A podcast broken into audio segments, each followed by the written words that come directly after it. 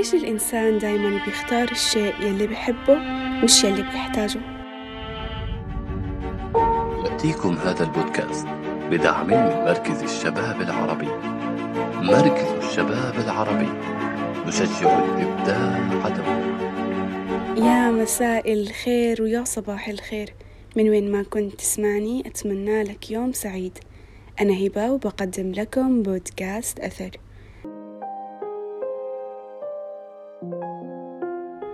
أنا وحدة مثلكم. إنسان طبيعي بفكر كل يوم بكل شيء بصير معي بشوفه أو بسمع عنه. ولأنه إحنا بشر دايما منفكر بالشيء يلي قريب من قلبنا. وبصير في صراع كتير كبير بعقلنا. شو الشيء المناسب؟ شو الشيء يلي مش مناسب؟ ما بحكي هون عن الأشخاص أنا بحكي عن المستقبل. وخوفنا من كل إشي مخبيتلنا إياه أيامنا اللي جاي. السؤال يلي ببلش من شو أنا وشو بدي أصير؟ وبما إنه إحنا بفترة الكل فيها عم بنهي الثانوية العامة وبتأهل للجامعة وبنفس الوقت الفئة يلي عم تنهي الجامعة وتتأهل لسوق العمل. بس السؤال هون وين سوق العمل؟ وشو موقعي من سوق العمل؟ وهون بنرجع للبداية يلي هي بتكون نهاية الثانوية العامة والتفكير. السؤال يلي بتسمعه أكتر من كلمة مبروك هو شو بدك تدرس؟ وهون أنت كإنسان راح تفكر بأكتر شيء بتحبه وهذا هو السبب يلي بيساهم بارتفاع نسب البطالة.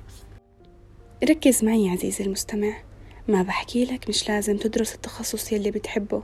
يلي بدي أوصل لك إياه إنه نبحث عن مجالات العمل يلي بيفتقر إلها المجتمع ويا حبذا لو كان هو نفس التخصص يلي بتحبه.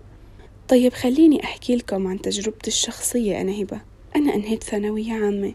وقررت إنه أدرس إعلام. لأنه كنت مفكر الإعلام عبارة عن كاميرا بس. طلع عبارة عن بحر. عرفت ناس خلال الأربع سنين يلي قضيتهم. زملاء وزميلات. منهم يلي توظف سريعا. ومنهم يلي ما توظف نهائيا. بحثت كتير على الرغم من قصص النجاح العديدة يلي بنسمع فيها. ولأنه تجربتي الشخصية لا تعمم. حابة أحكي لكم قصة إنسان اسمه ميلود. عنده قصة نجاح غريبة جدا. يلا نبدأ.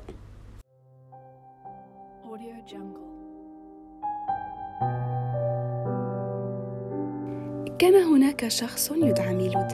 ولد في عام 1930 في منطقة تدعى الشياظمة قريبة من مدينة السويرة في المغرب. وتلقى تعليما بسيطا في مسجد بلدته. كان ميلود يعيش في أسرة فقيرة لدرجة لا يتصورها المرء. أسرتي كانت أفقر من أفقر أسرة في الصومال لدرجة أن أخي توفي متأثرا من شدة الجوع آنذاك لأننا لم نكن نملك ما نأكل بأيام طويلة حتى أن بهائمنا مرضت بسبب ثمانية سنوات من الجفاف. عرفها المغرب خلال طفولتي. هذا ما قاله ميلود الشعبي في حفل قسم الهندسة المعمارية بحضور آلاف الطلبة. عندما بلغ الرابعة عشر عاما كان يوما ما يرعى الأغنام فذهب يبحث عن ظل شجرة باحثا عن قسط من النوم ولم يستيقظ إلا على الذئب وهو يأكل نعجته. ذلك الذئب الذي كان سببا في مغادرته لبلدته الأصلية خوفا من التوبيخ والعقاب من أبيه. حيث شد الرحال إلى مدينة مراكش التي كانت أقرب مدينة إلى الصويرة.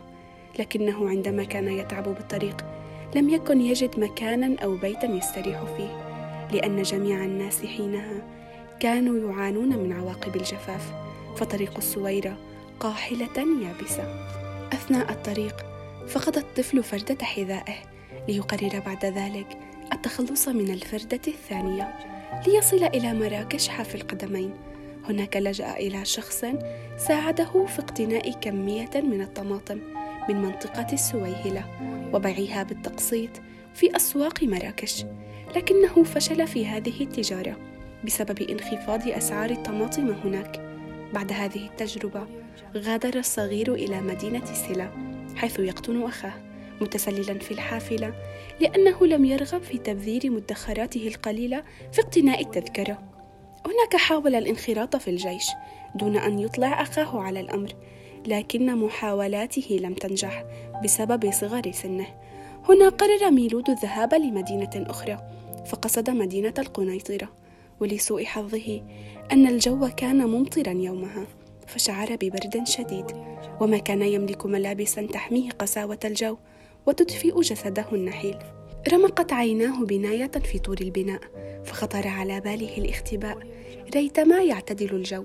فجاء في صباح يوم غد العمال حتى وجدوه نائما على الأرض. طلب منه أحد العمال أن يروي لهم قصته. ومن أين جاء؟ بعدما عرفوا ظروفه.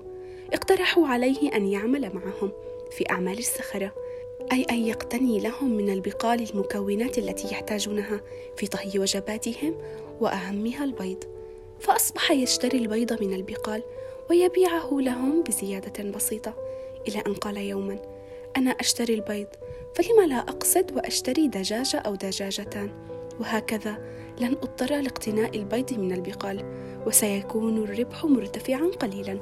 فنجحت فكرته وشيئا فشيئا أصبح جميع عمال البناء في تلك المنطقة يقتنون البيض من عنده. حتى جمع ما يكفيه لشراء دراجة نارية. ثم بعد شهر فكر في استثمار ما بقي لديه من ذلك المال في شراء قطعة أرضية وإنشاء ورشة صغيرة للبناء بعاملين فقط. بدأت أحلامه تكبر في أن يكون رئيس ورشة فطلب من أحد الأشخاص أن يساعده في شراء ماكينة.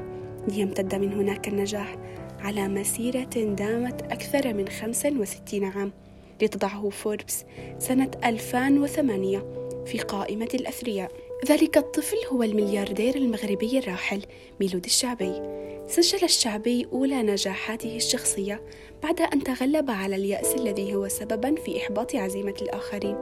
ابتدأ ميلود قصة نجاح مغربية لم تكن أسرته لها علاقة في ذلك فمجال المال والأعمال آنذاك كان محتكرا من قبل الفرنسيين.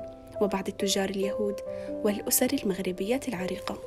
بعد تأسيس ين القابضة أصبحت مجموعته من أقوى الكيانات الاقتصادية في المغرب وتمتلك 17 علامة تجارية وثمانون شركة متخصصة في تصنيع الورق والكابلات والبطاريات وقام بتوظيف أكثر من خمسين ألف موظف. باتت مراكش تحتل مكانة مهمة في محفظة استثماراته فهي قبلة سياحية عالمية وتشهد الآن على أهم مشاريعه خصوصا في قطاع الفندقة والسكن وذلك عبر سلسلة موكادور التي يقصدها اليوم أشهر نجوم ومشاهير العالم. قصة النجاح أعطت الراحل كاريزما خاصة كان من نتائجها استحقاقات مختلفة وطنيا ودوليا. فقد وشحه الملك محمد السادس بوسام المكافأة الوطنية من درجة قائد وفي عام 2004 اختارته مجلة ماروك إبدو. رجل العام. وفي عام 2011 حل الشعبي ضمن قائمة أغنى خمسين عربيا لما حققته شركاته من أرباح في جميع الدول التي استثمر فيها. ميلود الأمي أصبح من حلم جميع المهندسين المعماريين في المغرب وخريجي الهندسة المدنية أن تتاح لهم فرصة للعمل في مجموعاته الضخمة.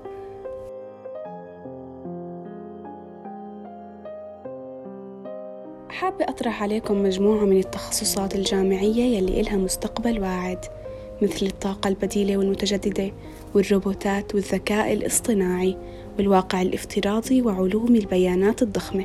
ابحثوا كتير منيح عن التخصص يلي رح يستاهل تعبك خلال أربع سنين ويعمل لك علاقات اجتماعية وعائد مادي كتير ممتاز أكتر بكتير من الرسوم يلي دفعتها خلال مرحلة الدراسة.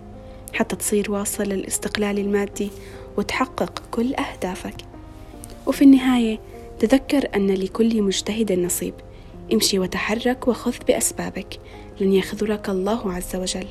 أما النيام فهم سادة للوسادة وتبقى السيادة لأهل الريادة. واعرف دائما أن الله لم يزرع فيك رغبة للوصول لشيء إلا لأنه يعلم بأنك قادر على الوصول إليه.